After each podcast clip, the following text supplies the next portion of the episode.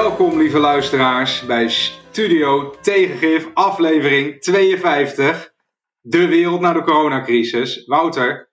Ja, je weet zelf het nummer al. Dat is mooi, Randy. Ja, aflevering nee, 52. Ik, ik, eh, ik heb het al eh, opgezocht, want we hebben geen tijd meer te verliezen. Want misschien kan jij even kort je licht laten schijnen op alle technische moeilijkheden die wij hebben gehad. En eh, waarom wij niet bij elkaar zitten, Wouter. Nou, dat snapt iedereen waarom wij niet bij elkaar zitten, maar hoe dat is gegaan. Nou, die, die, we nemen op op, eh, wat is het, dinsdag de 31ste in de avond. En ehm, wij zijn al een tijdje bezig met het voor elkaar te boksen om elkaar tegelijk te kunnen zien en te horen en ook nog eens een podcast op te nemen. Eh, we hebben dat geprobeerd in, ik denk, vier videoprogramma's eh, en verschillende opnamemogelijkheden. Mensen die met microfoons geklooid hebben. En het, eh, als mensen dit ooit horen, dan is het nu gelukt. Ehm, maar we, zijn, ja, we, we hebben lange praatsessies met elkaar. Eh, dus, eh, De eh, ja, irritaties waren al hoog opgelopen. En het blijkt dat Wouter een soort ehm, anger management probleempjes heeft. Ben je daar ook voor in therapie, Wouter? Nee, nee, dat valt eigenlijk wel mee. Maar het, het klopt wel dat ik, ik kan er altijd slecht tegen als apparaten niet doen wat wat ik wil. Mensen, dat snap ik, die zijn meestal gewoon incompetent. Eh, maar apparaten, ja, die vind, daar vind ik van dat ze in principe moeten doen wat wij willen, toch? Oh, oh, oh. Ja, je hebt helemaal gelijk. hey, Wouter, laten we gewoon dit eh, kleine digitale trauma achter ons laten. En even naar het onderwerp van vandaag gaan. Want het is een onderwerp wat eh, uit jouw eh, koker komt. De wereld na de coronacrisis. Want vertel. Ja, wat ik, wat ik ehm, zie is dat eh, je hebt ontzettend veel podcasts die gaan over. ehm, eh, we zitten allemaal in lockdown, er is een coronacrisis, wat vreselijk is het. En er wordt eigenlijk elke dag weer een soort steen in de hofvijver gegooid met nieuwtjes waar we het met z'n allen de hele dag over kunnen hebben. Ehm, maar wat ik veel interessanter vind eigenlijk is wat zo'n crisis nou allemaal in beweging brengt. En wat voor dingen er, er blijvend gaan veranderen in hoe we onze maatschappij een beetje georganiseerd hebben. Dat, dat vind ik heel spannend om te zien. Eigenlijk enerzijds ben je heel negatief, omdat je ziet dat er ontzettend veel mensen ziek aan het worden zijn. Anderzijds vind ik het ook heel spannend om te zien dat onwijs veel dingen opeens mogelijk blijken te zijn tijdens zo'n crisis. Of in beweging komen, of eh, juist heel overbodig blijken te zijn. Ehm, en ik, ben, ik vind het wel leuk om eens over te hebben van wat, wat denken wij nou dat er blijvender gaat veranderen? Wat voor dingen eh, gaan we anders doen, eh, meer doen, minder doen? Ja, wat ik, vind het, wat ik wel opvallend vind, is dat er heel breed wel een eh, gevoel is dat deze crisis dingen gaat veranderen. Waarvan mensen ook misschien bij de vorige eh, economische crisis, heel, heel weer wat anders, ehm, gedacht hadden dat ze toen zouden veranderen.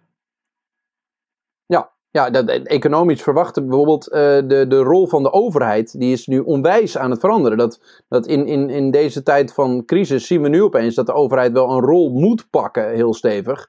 Ehm, waarbij eh, de, de vorige economische crisis van 2008 veel mensen al gehoopt hadden dat die overheid die veel sterker eh, wilde gaan pakken. En ik vond het wel zelf wel lollig om te zien dat je hoort nu vrij weinig mensen meer roepen dat eh, government is the problem, not the solution. Want dat is nu gewoon niet meer het, het verhaal dat je kunt hebben. Zowel binnen de gezondheidssector als binnen de, de, ja, de, de, de soevereiniteit van staten als bij de economische situatie zijn dit nu overheden die eh, een hele sterke rol moeten gaan pakken. En het is heel spannend hoe ze dat eh, eh, willen gaan, eh, gaan invullen. Denk ik. Ja, en het is de vraag Ja. of dat doorzet, hè? Want het zou ook zomaar gewoon heel even kunnen zijn. Het, het, gewoon tot de crisis voorbij is en dan trekt de overheid zich weer terug. Dus niet gezegd dat dit allemaal eh, maar door gaat zetten op, eh, op deze manier.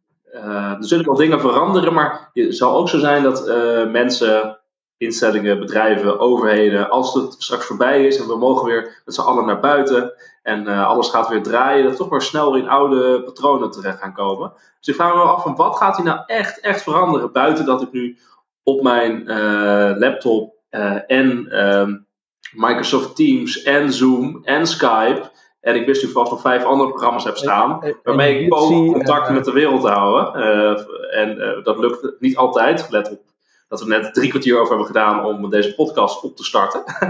dus wat gaat het veranderen buiten dat ik meer apps op mijn, eh, op mijn laptop heb staan? Dat vind ik wel een Nou, ik interessante denk, vraag. ik, ik, ik, wat ik het meest opvallend vind, is hoe het falende Amerikaanse gezondheidsstelsel nu echt de nekslag eh, lijkt te krijgen. Want ze hebben daar de ongelukkige combinatie met dat iedereen die een dag niet op zijn werk verschijnt, gewoon geen centen krijgt. Ehm, in combinatie met dus heel veel mensen die gewoon niet goed verzekerd zijn. Ik zag bijvoorbeeld ook, dat is allemaal een voorbeeldje maar natuurlijk, maar iemand voorbij komen in Amerika die had een coronatest laten doen. Dat kostte 300 dollar nog wat. Dat doen, dat doen heel veel mensen dus niet. Met als gevolg dat, dat er talrijke mensen die ziek en besmettelijk zijn, uh, gewoon naar hun werk gaan en rondlopen. Uh, dus dat gaat natuurlijk, dat gaat gewoon, dat gaat definitief iets veranderen, zou ik denken. Ja, hoe ze daar met gezondheidszorg omgaan. Ja, het positieve van deze crisis is waarschijnlijk dat de Verenigde Staten van Amerika meer sociale zekerheid en meer zorgverzekeringen collectief gaan krijgen. Dus je ziet nu al, dat is natuurlijk super fascinerend om te zien, dat Trump, omdat er nu ineens een acute grote crisis is, er miljoenen mensen werkloos raken, ze inderdaad nou ja, geen toegang hebben tot zorg terwijl er een coronacrisis is, dat nu Trump de sociale zekerheid in Amerika moet uitbreiden. Dus elke werknemer krijgt nu tussen drie maanden of vier maanden um, een werkloosheidsuitkering. Het gaat ook gelden voor ZZP'ers, het gaat ook gelden voor parttimers. Dat is natuurlijk in het in een land als Amerika is natuurlijk een enorme stap, want dit vinden zij meteen, uh, dit doet ze meteen denken aan, uh, aan socialisme en communisme. Maar dit is dus wel gewoon een stap die, die Trump uh, zet. Van hé, hey, we gaan iets van sociale zekerheid geven. Plus wat je daar ziet, is dat hij gewoon helikoptergeld gaat inzetten. Hij gaat elke Amerikaanse volwassen burger gaat hij tussen 1300 dollar of iets dergelijks geven. En elk kind krijgt nog 500 dollar erbij. Dus de gezinnen krijgen daar gewoon duizenden dollars van de overheid om deze coronacrisis door te komen. Uh, niet alleen omdat ze gewoon geld nodig hebben om uh, hun huishouden te laten draaien, maar ook omdat ze zorgkosten moeten gaan betalen, is natuurlijk het idee. Wat wel, ja, daar wil ik het wel even over hebben. Oké, ja, nou, mag ik nog één dingetje tussendoor, Randy? Want wat ik wel, wel leuk vind, is dat um, uh, wat je vaak ziet met crisis, is, is dat er dat niks zo permanent is als tijdelijke maatregelen. En wat heel spannend gaat worden is in hoe uh, permanent gaat de mentaliteitsverandering in de Verenigde Staten zijn. Dus in hoeverre gaan mensen die collectieve voorzieningen die nu en maatregelen die getroffen worden voor iedereen, dus iedereen uh, tijdelijk een sociale zekerheid, misschien iedereen uh, meer toegang tot het, het algemene collectieve zorgnet. Hoe, hoe permanent gaat dat wezen? Of gaan de, de, de iedereen voor zich, de rest de Rambam mentaliteitsmensen alsnog gewoon een, een backlash creëren? Eh, en gaat de boel daar eh, helemaal instorten? Nee, dit is, heel, dit, dit is, dit is definitief, uh, denk ik, om Wiemars eerdere vraag te beantwoorden. Want als mensen eenmaal doorhebben dat de overheid gewoon geld op hun rekening kan zetten, dat draai je nooit meer terug. Iedere presidentskandidaat vanaf nu, die zal als een vast repertoire van zijn verkiezingscampagne zeggen: Ja, en ik geef jullie zoveel dollar als jullie mij kiezen. Um, bovendien, uh, dit is een crisis, maar er komt echt wel weer een volgende crisis. En dan, dan, wordt, dan is het een standaard instrument om gewoon te zeggen: oké, okay, we gaan nu geld overmaken aan mensen. Ja. Uh, dus voor je het weet heb je gewoon een soort basisinkomen. Ja, wat er ook gaat gebeuren, en dat is, uh, want dit gaat dan uh, inderdaad over het helikoptergeld of het, het basisinkomen, maar wat je dus ook... Misschien, Wiemar, is het handig om even te, uit te leggen wat helikoptergeld is. Ik denk dat veel mensen dat niet weten. Oh, uh, helikoptergeld is een, een economische term, een, een, oude theorie. Volgens mij is het zelf van, van Friedman, van de, van de toch wel enigszins conservatieve rechtseconoom. Maar die zei van, oké, okay, je moet... Um, het is mogelijk om op het moment dat er een grote recessie is, dat de centrale bank elk huishouden gewoon geld geeft, gewoon overschrijft zodat elk huishouden geld heeft om te besteden. En die gaat het dan dus vervolgens consumeren. En dat kan de economie weer uh, op gang helpen. Dus op het moment dat je in een economische uh, recessie komt, dan kan je via helikoptergeld iedereen gewoon geld geven. Check. En dat wordt er volgens consumeerd, kan je de economie weer op gang helpen. En in Amerika doen ze dat nu gewoon. Want dit, dit, hè, het oorspronkelijke idee doet de centrale bank dat. Maar wat er dus nu gebeurt is dat de uh, regering van Trump dit geld gewoon gaat geven aan huishoudens. Dus onderdeel van het pakket van 2 biljoen, 2 biljoen dollar uh, wat ze nu hebben om te stimuleren. En dat hele pakket wordt vervolgens ook weer gewoon eigenlijk betaald door de centrale bank. De centrale bank financiert dat gewoon. Hè? Als, als Randy uh, zegt van wat is er vanuit de vorige crisis eigenlijk aan instrumentarium bijgekomen, wat nu in het standaard repertoire van de van centrale banken en overheden terecht is gekomen, is dat dit. Je ziet ineens dat uh, alle overheden extreem grote pakketten ja. met maatregelen gaan, um, gaan, gaan voorstellen. Dat is gewoon nieuw, uh, deze grote. En wat je ziet is dat centrale banken gewoon massaal uh, staatsobligaties opkopen van regeringen. Dus de centrale bank in Amerika gezegd, we gaan onbeperkt staatsobligaties van Amerika opkopen. Dus je mag uh, geld uh, lenen wat je wil, pakketten maken wat je wil. Wij zullen het voor je betalen. Je hoeft niet bang te zijn voor de kapitaalmarkten, zeg maar. En, en, en dat, zie je dat geld komt, natuurlijk ook. De, komt dat geld dan nieuw in de economie? Wordt dat gewoon verzonden door de centrale bank? Gewoon voetzie, opeens is het er?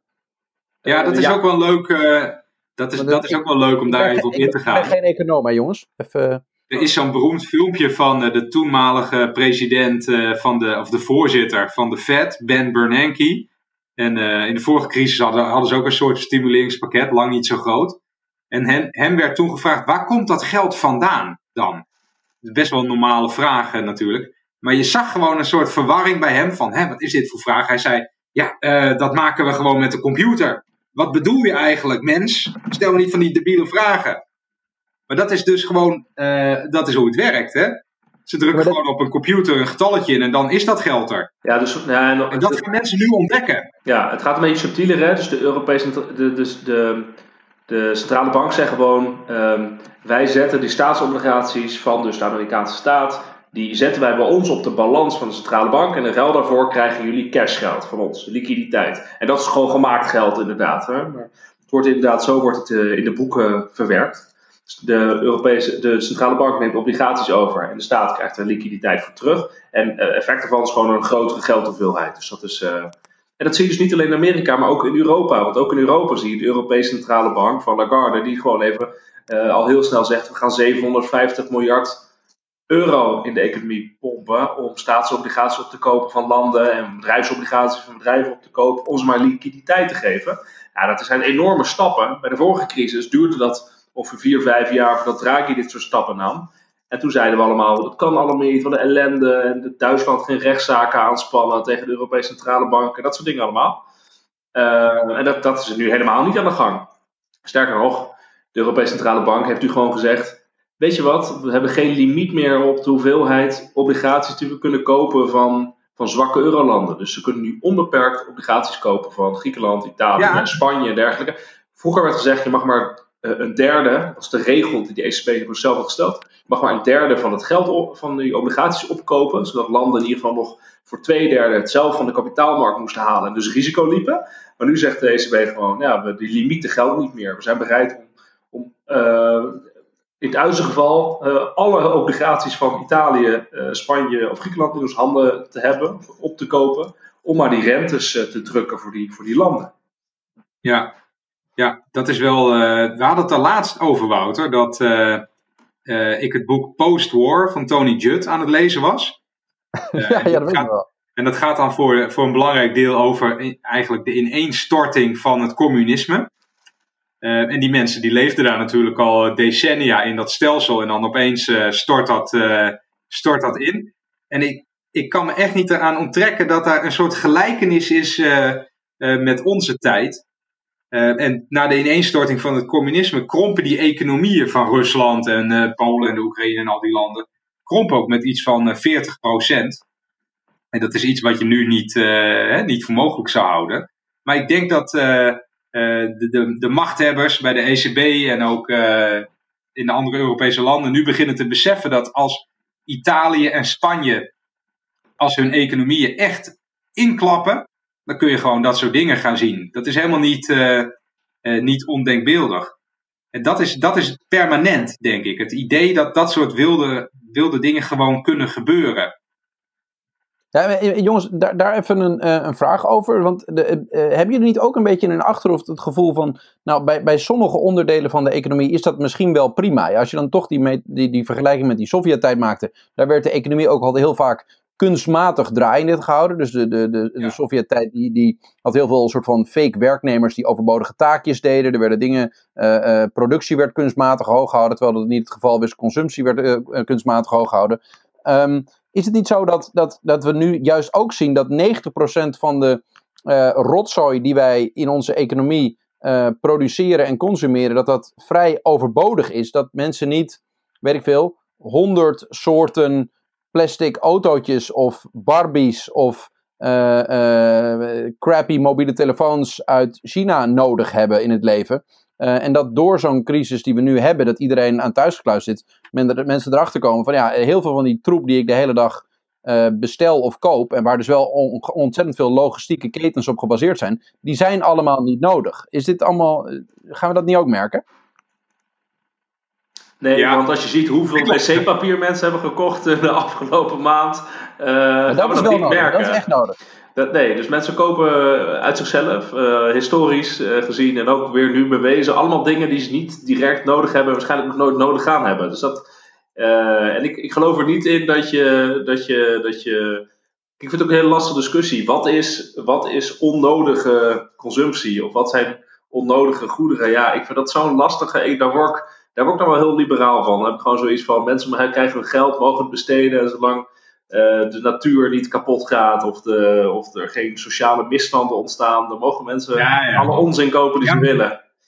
Wouter, ik snap wel. Kijk, ik, ik, kijk, ik snap nu wat Wiemar zegt, hè, want uh, dat, heel veel dingetjes die mensen in de economie kopen, ja, heb je dat echt nodig? Nee. Maar goed, uh, het is wel leuk. Maar het hele gevoel wat je uitdrukt, Wouter, van dat, dat er een soort nep, nep-economietje is gecreëerd.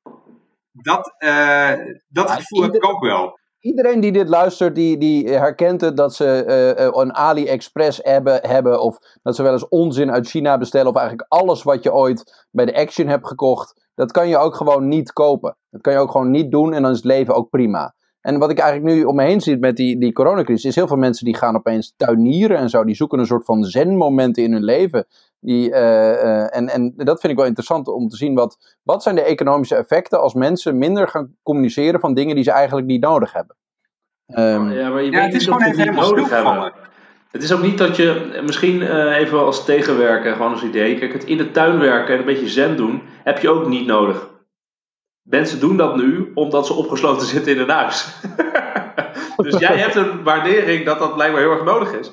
Maar ja, mensen gaan ook wel eens naar festivals. Hebben ze dat nodig? Nee. Mensen gaan ook wel eens op vakantie. Dat mag nu allemaal niet. Kan niet. Uh, hebben dat nodig? Nee, heb je niet nodig. Maar het is wel heel fijn om te doen. Dus ik vind het een beetje een lastige discussie. Vooral omdat, als nu de economie voor een groot gedeelte kapot zou gaan. Hè, dus uh, dan heb je dus destructie van, van bedrijven of van activiteiten of iets dergelijks. Uh, er gaan natuurlijk ook activiteiten verloren waarvan ik kan afvragen, hadden we die sowieso nodig? Dat is jouw punt. Maar er gaan ook gewoon dingen kapot, heel veel dingen kapot, die niet kapot gaan omdat er een, een, beter alternatief is, maar gewoon omdat ze kapot gaan omdat, er geen, omdat de economie stopt, omdat er geen liquiditeit is. Dus er gaan ook heel veel nuttige dingen gaan gewoon, uh, ja, gewoon over de kop gaan. Dus het is niet zo dat nu alleen uh, onnuttige dingen stoppen. Ja, maar dan, dan, dan, dan sta me even toe dat ik even wat, hoe zeg je dat, toch wat bizarre dingen ga zeggen. Dan wil ik toch weer even een parallel trekken met de Sovjet-Unie en de implosie daarvan.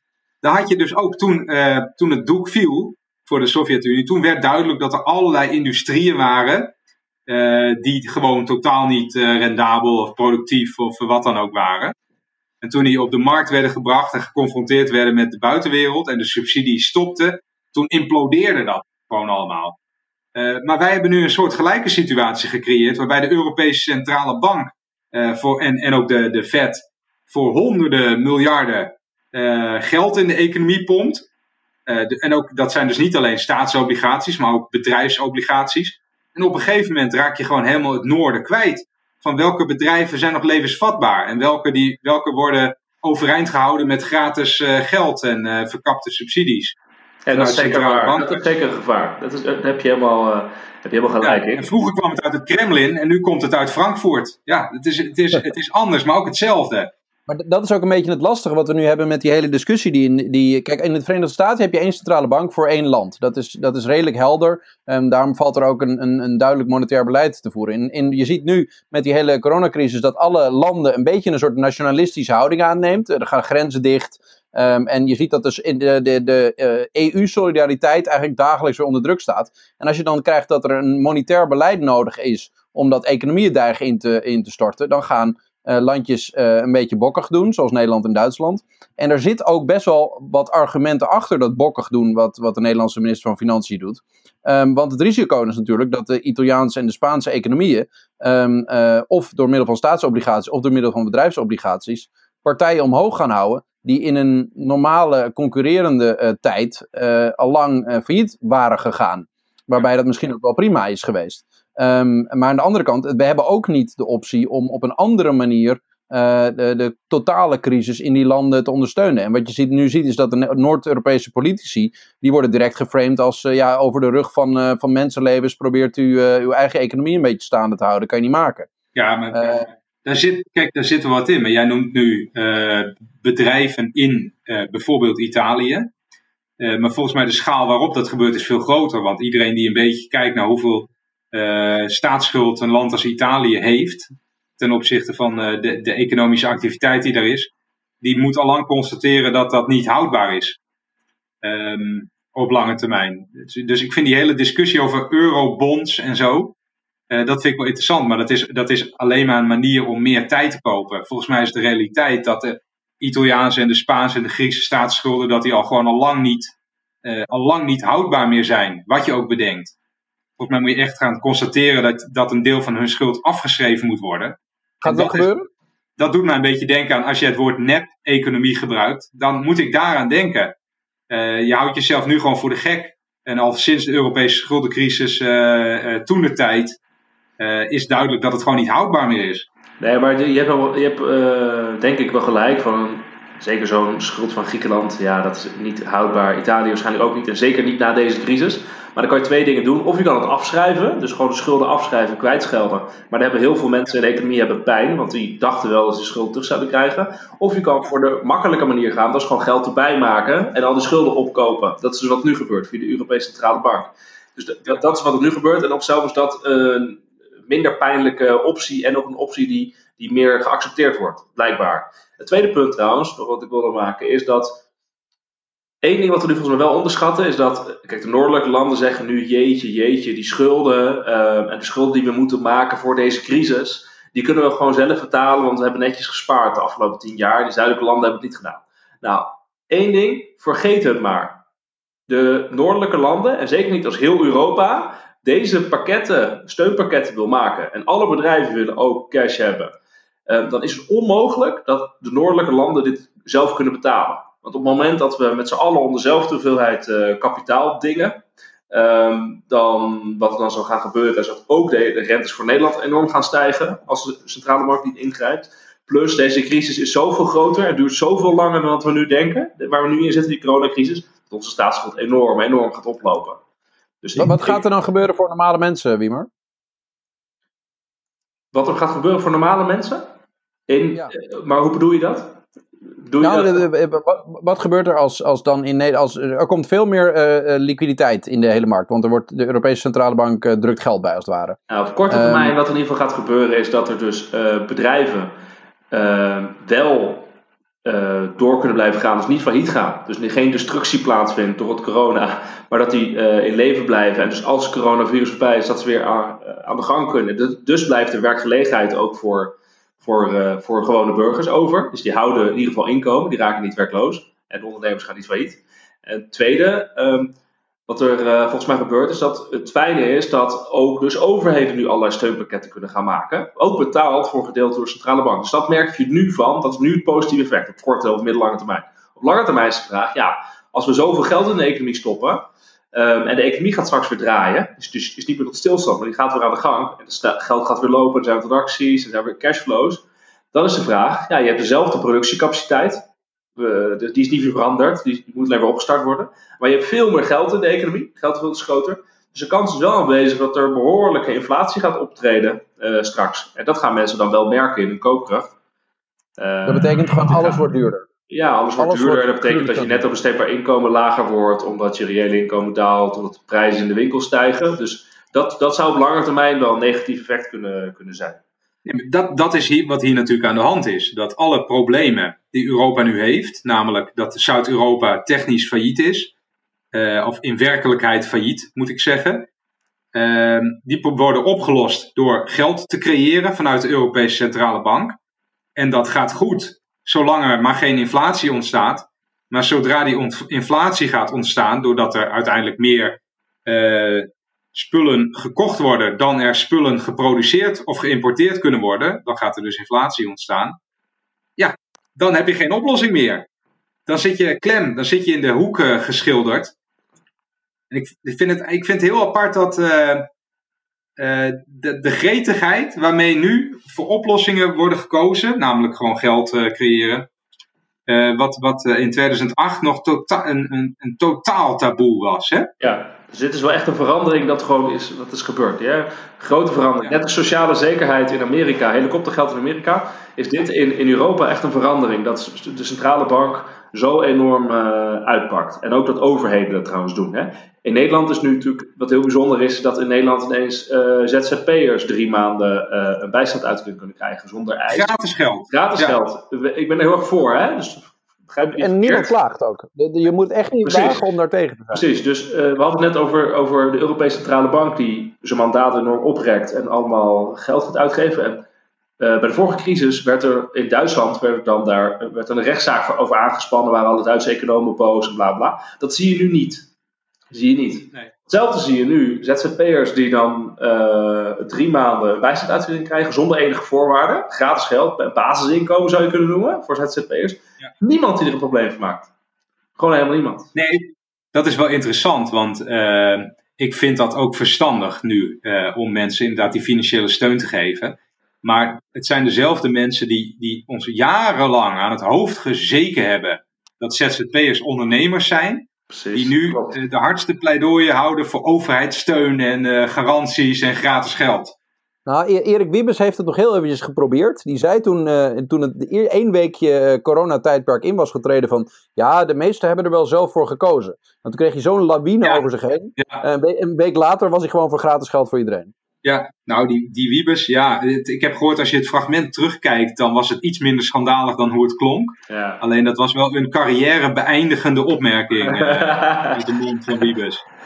Die stond er al niet zo goed op toen hij gewoon lekker bleef zitten appen toen uh, Bruno Bruins uh, door zijn hoeven zakte in de Tweede Kamer. Oh ja, klopt ja, dat was ook, was ook Wiebes. Ja, want Hoekstra die... Wiebes was ook van het bevinkje, hè? Het bevinkje in Groningen. Dat was ook de man van de Belastingdienst, waar die staatssecretaris van was. Toen dat niet helemaal in tijden van dus crisis, zichzelf gaat... In tijden, van, in tijden van crisis zie je de ware aard van mensen. Hey, ik, heb, ik heb een leuke tip nog uh, voor jullie, uh, voor de luisteraars. En dat, dat slaat een beetje terug op dat verhaaltje over de, de Sovjet-Unie en de nep, uh, het nepwereldje waar we het over hadden. Ik vind het wel een leuke vergelijking, Randy, om de hele tijd te kijken naar de instorting van de Sovjet-Unie alsof dat ja, een vergelijking met nu is. Nee, maar er zit, serieus, daar zit wat in. En, en heel grappig, wat ik, ik ga zo dan die tip geven, maar wat ik heel grappig vond, is dat wij toen, wij in het Westen, moesten toen eindeloos lachen om al die hoogbejaarde leiders van de Sovjet-Unie. Want die waren allemaal 75 en 78. En iedereen in Europa en Amerika die lachte zich rot om al die, uh, al die seniele bejaarden. En als je nu naar de Amerikaanse politiek kijkt, dan zijn het mensen die ook allemaal stokoud zijn. dat is, mooi, dat is heel erg toevallig. En in dat, in dat boek, uh, Post, uh, Post War, dus van Tony Judd, ook een leuk boek, ook een tip ja, is dat gewoon, uh, worden ze gewoon een beetje bespot om al die bejaarden aan de macht. Maar goed. Hey, mag, ik, mag ik dan nog iets anders toevoegen? Um, uh, trouwens, we, over vijf minuten eindigt onze Zoom-meeting. Maar ik stel voor dat we gewoon een nieuwe uh, opstarten. Dat komt wel goed, toch? Gaat jij ja. doen. Jij gaat het doen. Het is goed dat de luisteraar dat weet. Ja, ja nou, dat is, prachtig mooi. Maar wat, wat, ik, wat, wat als je dan gaat concluderen van... Oké, je ziet de Verenigde Staten nu volledig instorten. Um, um, maar wat ik wel zie is dat er heel veel enthousiasme is voor de aanpak van veel Oost-Aziatische landen van deze coronacrisis. Het brak natuurlijk uit in China, maar je ziet dat Zuid-Korea, Japan, Taiwan en Singapore, dat zijn echt een beetje de Asian Tigers die dit allemaal goed hebben aangepakt.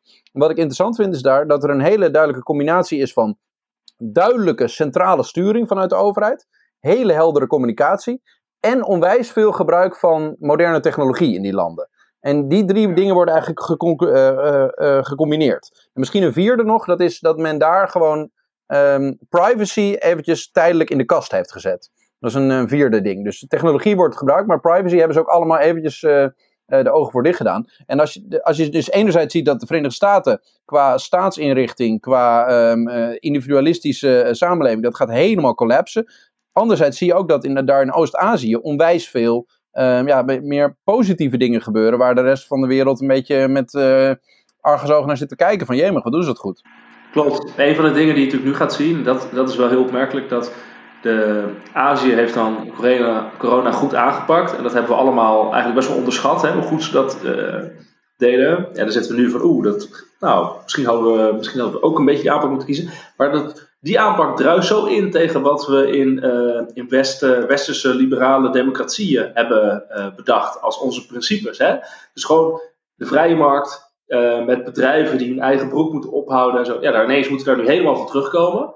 tweede, het vrije verkeer van mensen en van kapitaal, van arbeid en kapitaal, wat ook in de westerse wereld en in Europa en de liberale toch ook wel een waarde is. Dat is ook eigenlijk, ja, schijnt dat nu een bijna een zwakte te zijn in plaats van een voordeel als je een coronacrisis wil bestrijden. En het derde gaat inderdaad over, ja, privacy is heilig in de westerse wereld, zeggen we met z'n allen tegen elkaar. Maar ja, uh, als je de corona echt wil bestrijden, moet je misschien toch wat privacy gaan, uh, gaan weggeven. Dus het is wel interessant dat de mindere respons van het Westen op het coronavirus heeft echt te maken met een bepaald idee over hoe moet je economie functioneren, uh, hoe vrij is je samenleving en wat doe je met privacy. Het is wel interessant om te zien.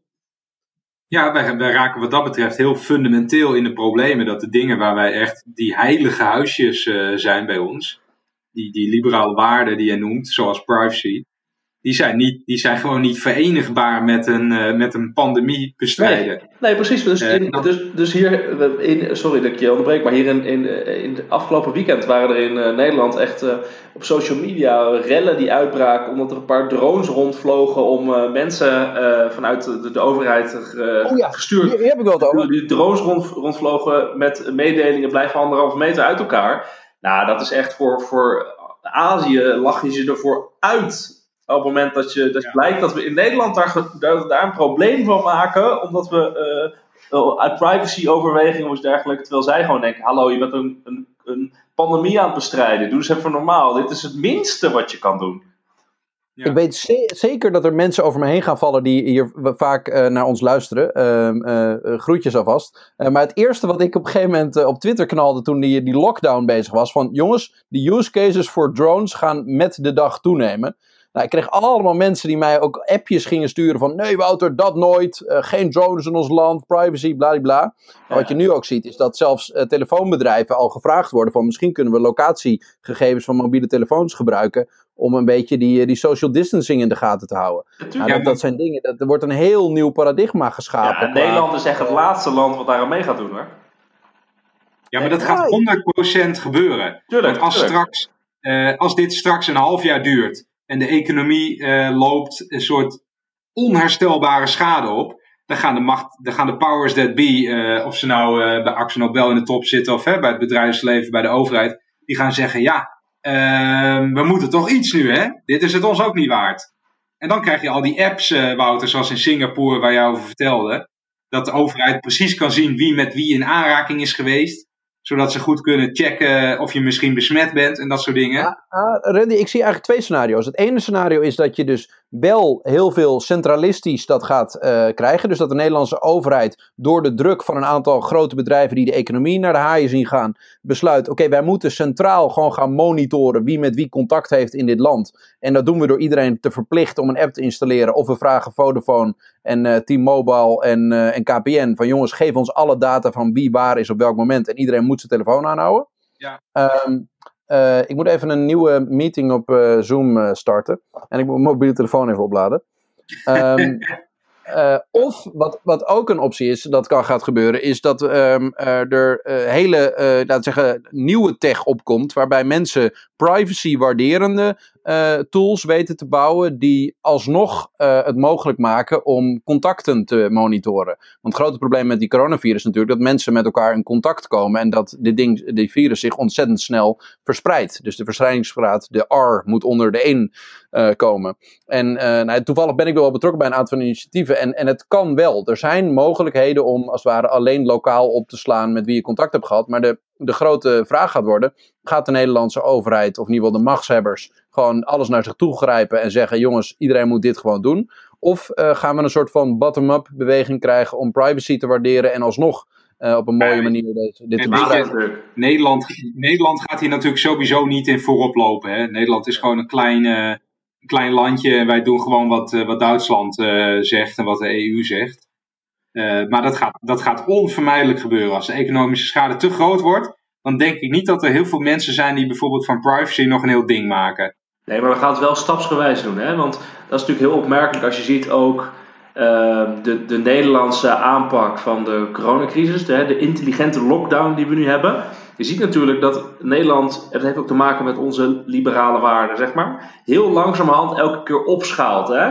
Dus in het begin mogen we geen handen schudden en dan uh, moeten we uit elkaar blijven en dan langzaam moeten we allemaal thuiswerken en dan misschien alleen maar als je vitaal beroep hebt mag je nog wat doen en dan zijn nu groepsbijeenkomsten zijn verboden en dat wordt er nu verlengd. Elke keer wordt een klein stapje beter, hoger. Terwijl in uh, Aziatische landen zijn ze gewoon meteen op totale lockdown. Maar Nederland kan dat niet. Nederland poldert echt zo naar um, stapje voor stapje naar uh, hoe we het uh, dan willen. En zo gaat dit natuurlijk ook gebeuren. Zo'n, zo'n, zo'n uh, met drones werken en apps werken en privacy schenden. Dat kan in Nederland echt maar stapje voor stapje. En dan op de manier zoals Rutte net op die persconferentie gaf. Die zei ook van, ja, we doen geen verplichte volledige lockdown, maar we zijn een volwassen democratie, hè, waarin we als volwassen mensen, als individuen dit met elkaar wel, wel kunnen regelen. Zo gaat het dan ook met zo'n app gebeuren. Dan gaat er, komt er een app en dan gaat er gevraagd worden, als je een volwassen, verantwoordelijke Nederlander bent, ga dan deze app installeren. Maar we gaan dat echt niet verplichten. Ja. En de overheid gaat weet, echt niet die stap naar voren zetten. Dat gaat niet gebeuren. Nee. Dan zitten we in elkaar. Nee, ja, weet je wat ik op, jij zegt, we zijn een volwassen democratie of nee, zo. dat zegt Rutte. Rutte. Ja, dat had Rutte gezegd, uh, dat bedoel ik ook. Uh, wat ik vooral op vind vallen, en dat is ook iets wat niet teruggaat, denk ik, is dat, uh, dat nu duidelijk wordt, de Nederlandse overheid kan niet eens voor mondkapjes zorgen. Want we hebben geen mondkapjesfabriek binnen de grenzen. En beademingsapparatuur, dat is ook bidden en hopen dat de Amerikanen het niet van ons afpakken. Want die fabriek die staat blijkbaar in Amerika, waar wij het dan uh, kopen. Ja, ik vind vooral heel erg opvallen hoe, uh, hoe, weinig, uh, hoe weinig we het in eigen hand hebben. Ja, dus, dat, dat, past bij, de, bij de, onze manier van hoe een economie zou moeten werken. Wij denken van ja, wij doen het gewoon via handelsrelaties. Dus we kunnen het internationaal doen en we zetten, laten productie gebeuren op een plek waar het goedkoopste is. we zorgen dat we goede handelsrelaties mee hebben en dan vervolgens krijgen we de, die spullen wel als we ze nodig hebben, want we betalen er toch voor. En dat, ja. dat is een manier van denken die heel erg past bij zo'n um, liberale westerse democratie en economie, nou, maar die dus niet goed werkt is... in een crisissituatie. Net als dat we, nee. dat we, dat we nu nog, uh, dat we nu nog uh, vliegtuigen uit Schiphol, of sorry, uit Amerika laten landen op Schiphol. Gewoon met, ja, ja want ja, we zijn een westerse wereld, dus er, dus er moet mo mobiliteit zijn hè, tussen, tussen mensen. Ja. Dat hoort, want we zijn één nou, blok. Dat is heel raar. Dat als het, als het gaat om die inderdaad, die uh, markteconomie-achtige heilige huisjes, daarvan is er nog eentje gesneuveld. Namelijk dat dat farmaceutische bedrijf Roche, als je het zo oh ja, uitspreekt, tenminste, uh, die, die zijn blijkbaar uh, patenthouder of, of iets dergelijks van een of andere testvloeistof. Een of andere vloeistof die je nodig hebt om bepaalde medische testen te doen. Om te zien of iemand uh, bijvoorbeeld corona heeft. Ja, dat bedrijf dat werd gewoon keihard onder druk gezet vanuit de Nederlandse politiek om het uh, recept openbaar te maken, omdat zij het niet voldoende konden leveren. En dat deden ze ook nog. Ja, precies. Dus dat was echt iets. In normale tijden zouden ze dat in geen duizend jaar doen. Maar nu gebeurt dat gewoon even. Ja, dus er worden inderdaad heilige huisjes, worden, worden, die vallen inderdaad om. En nu is de vraag van, gaat dit uh, structureel effect hebben? Dus hè, bijvoorbeeld nu in Europa worden gewoon grenzen gesloten. Hè? Dus ja. er worden grenzen gesloten binnen de vrije ruimte van de Europese markt. Dat is natuurlijk heel bijzonder, terwijl we, we hebben uh, twintig jaar tegen elkaar gezegd dat kan niet. Je kan geen grenzen sluiten, dat is onmogelijk. Hè? En nu ineens kan het blijkbaar wel. Uh, nu gebeurt dat gewoon. Nu gebeurt dat gewoon. En ik, ik ben er uh, niet een voorstander van, maar ik vind het wel bijzonder gaat dit dan eh, effect hebben op de langere termijn? Van nu we doorhebben dat dat dus blijkbaar wel kan. Je kan wel gewoon ja, grenzen sluiten. 100% Want als mensen eenmaal zien dat het kan, dan gaan ze het ook voor andere dingen gebruiken. Dus toen die vluchtelingencrisis uh, van 2018 was, toen werd tegen mensen gezegd: ja, de grenzen dicht, dat is echt een belachelijk uh, iets, hè? Dat, dan ben je niet helemaal goed bij je hoofd als je denkt dat zoiets kan. Nou, en maar in deze coronacrisis hebben mensen in de grensstreek gewoon gezien dat België gewoon containers midden op de weg zet. En daar politieagenten bij zet om te controleren dat er niemand langs gaat. Dus ja, blijkbaar, het kan wel. Ja, precies. Dat, dat is inderdaad dat is weer zo'n doorbraak. Net zoals uh, een basisinkomen voor ZZP'ers. is dit ook weer zo'n doorbraak. Elke keer zie je ja, Ja, het is wel een vraag. Wou, ja, ik ben zit Wouter een beetje te, te kloten of zo met een of ander snoertje. Ben je er nog wel, Wouter? Jazeker. Ja, ik was even ehm, een snoertje aan het pakken zodat ik weer met jullie kon zoomen. Dan kon ik jullie nog zien. Hey, oh, ja, je was ook het paswoord aan het zoeken van de Zoom-meeting, toch, Frit? Ja.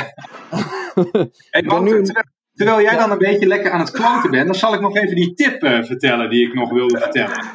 Want we hadden, we hadden het over parallellen met de Sovjet-Unie. En daar heb ik laatst een fantastische documentaire over gezien. En die heet Hypernormalization. En dat is een term die is, dan, uh, die is ooit gemunt door een uh, Russische professor antropologie, Alexei uh, Yurchak of zoiets. Nou, vergeet dat maar. Hypernormalization. En wat betekent dat? Namelijk, hij zegt in de Sovjet-Unie aan het einde, iedereen wist dat het systeem faalde. Iedereen zag dat gewoon en, en er werd je ook alleen maar onzin op de mouw gespeld uh, in de media. Iedereen wist dat, maar mensen hadden geen idee wat voor alternatieven er voor de status quo waren. Hoewel ze natuurlijk een beetje naar het westen keken. En in die documentaire van Adam Curtis, hij staat gewoon op YouTube, dus leuk om te zien, zegt hij eigenlijk dat het Westen, twintig jaar later of dertig jaar later, ook in een soortgelijke situatie komen, zijn gekomen waarbij de echte wereld zo complex is, uh, dat politici daar een soort simpel verhaaltje overheen houden uh, van, uh, van realiteitsontkenning. nou ja, ik denk, ik moet het ook niet verder gaan vertellen. Het is een BBC-documentaire van Adam Curtis, zoals ik zei. Hartstikke leuk. Maar wat is nu dan de realiteitsontkenning in deze tijd, als je een parallel probeert te maken? Nou, dat die heilige huisjes, waar jij het net over had, bijvoorbeeld privacy, valt niet vol te houden denk ik.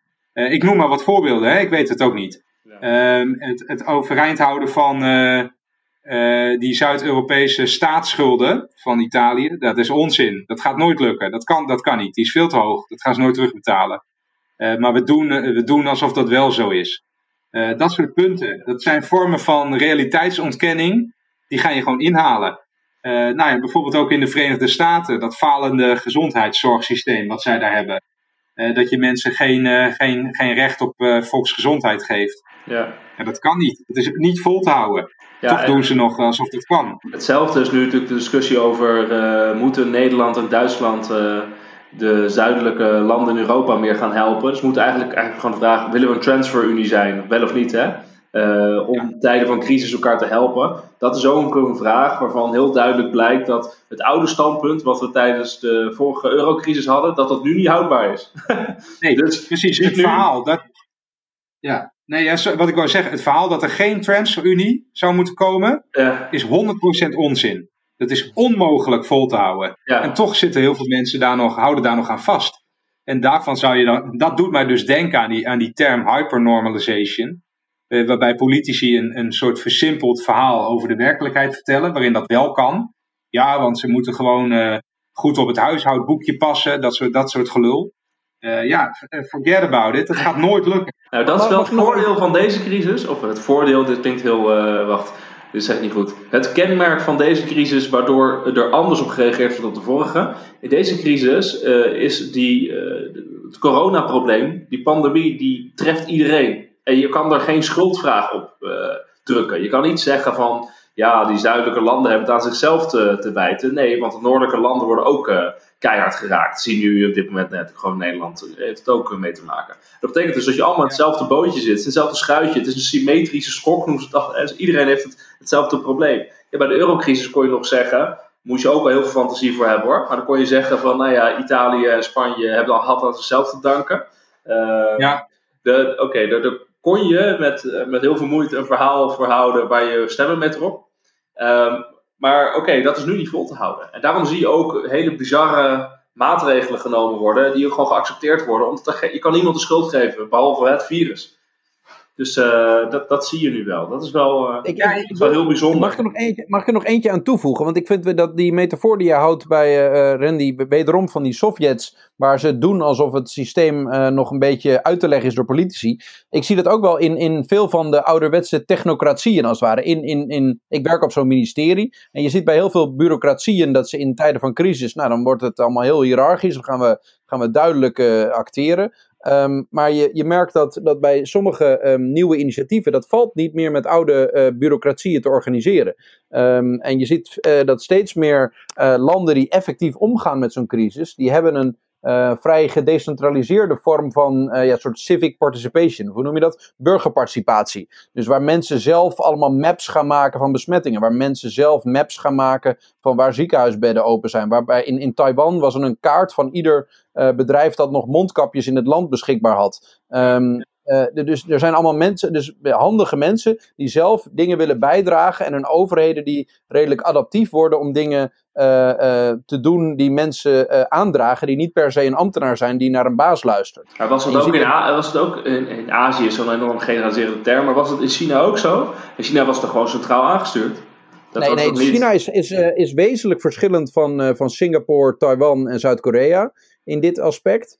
Um, uh, maar Taiwan is een van de meest geprezen voorbeelden hierin. Um, en daar is er bijvoorbeeld een platform waar een, bijna de helft van de bevolking op zit. En waar mensen um, mee kunnen discussiëren en ook suggesties aandragen die serieus genomen worden door politici om dit soort vraagstukken op te uh, lossen. En in Nederland merk je nog dat er gewoon een soort van woedekamers zijn zoals Twitter nu is, waar iedereen eigenlijk uitlegt dat het RIVM of gek is of mensen hun bek moeten houden en het RIVM moeten waarderen. Uh, maar dat is niet een ja. soort effectieve manier van mensen mee laten doen met, met, met zelf dingen bouwen waar we wat aan hebben.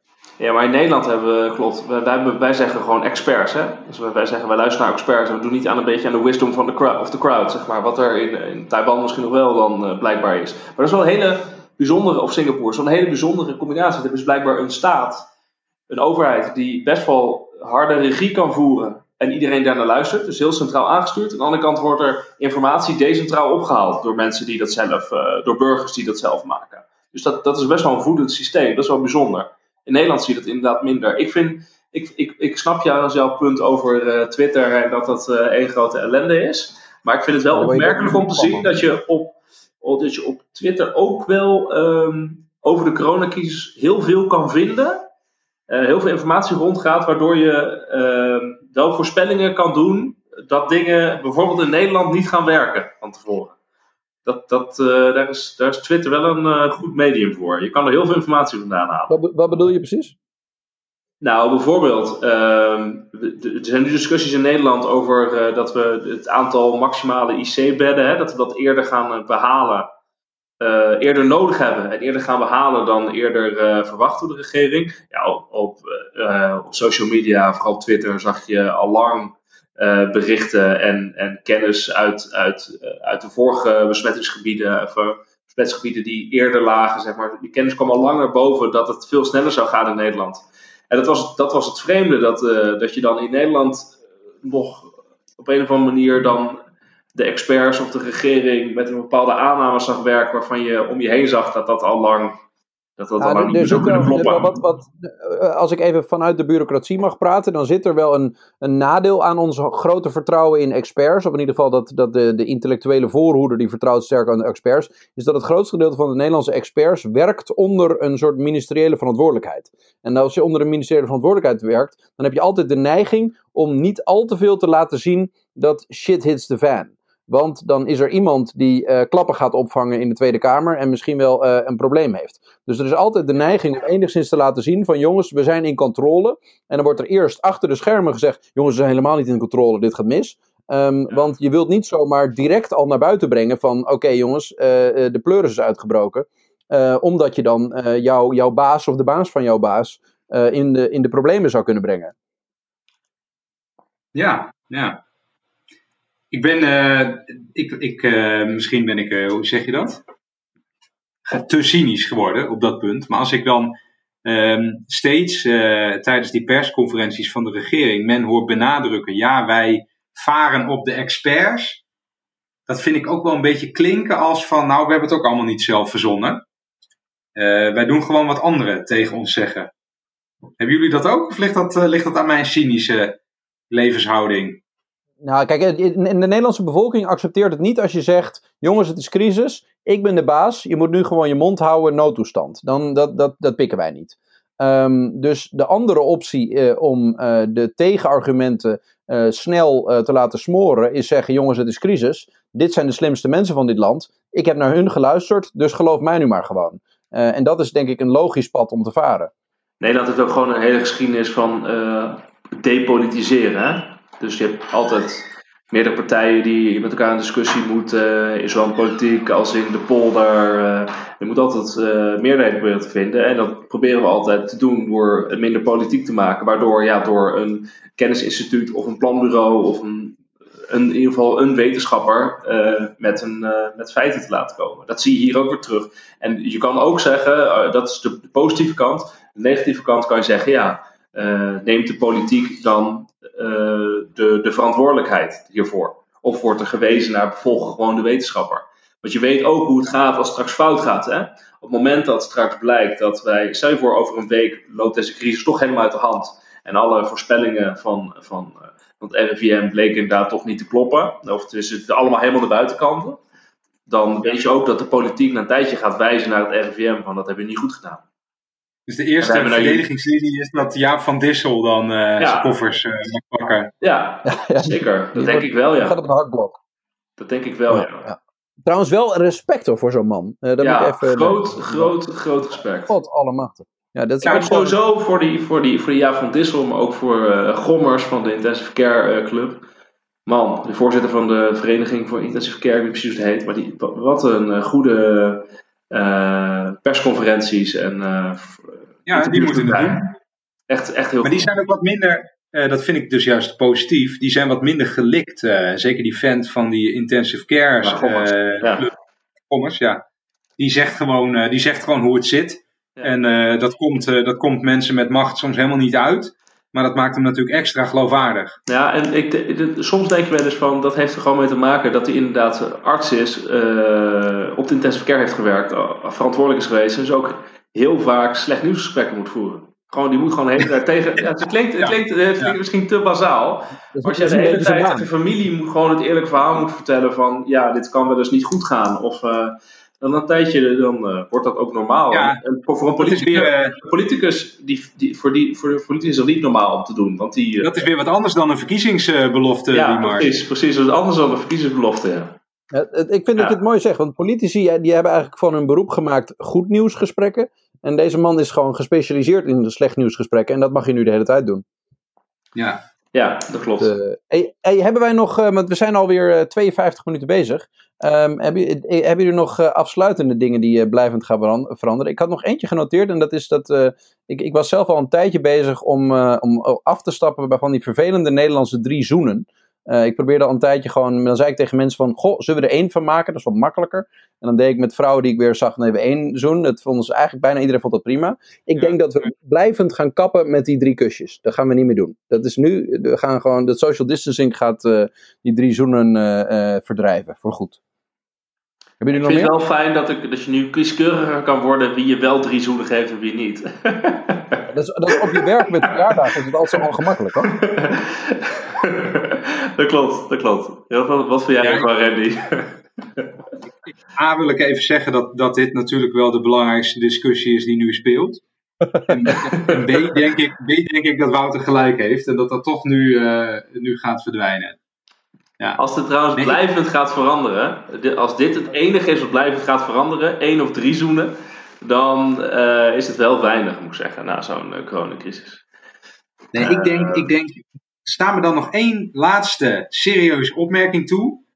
Uh, wat er echt gaat eerst hoor. oh, oh, oh, oh. Ik merk dat we inderdaad aan het einde komen. Wat ik wilde zeggen, uh, dat je nu weer ziet dat de regering ook moet regeren. Uh, je zag ook dat ze er even aan moesten wennen. Want ze begonnen met uh, het doen van allerlei oproepen. en dat verwarden ze dan een beetje met, met besturen. Dus we doen de oproep om thuis te blijven. En we doen de oproep geen handen te schudden. En we doen de oproep aan verhuurders om coulant met de huur om te gaan. En we doen de oproep aan banken om mensen niet helemaal af te knijpen die nu geen inkomsten hebben. Uiteindelijk red je het niet met die oproepen, want niemand luistert, tenzij je dat handhaaft. En daar komen ze nu, uh, daar komen ze nu achter.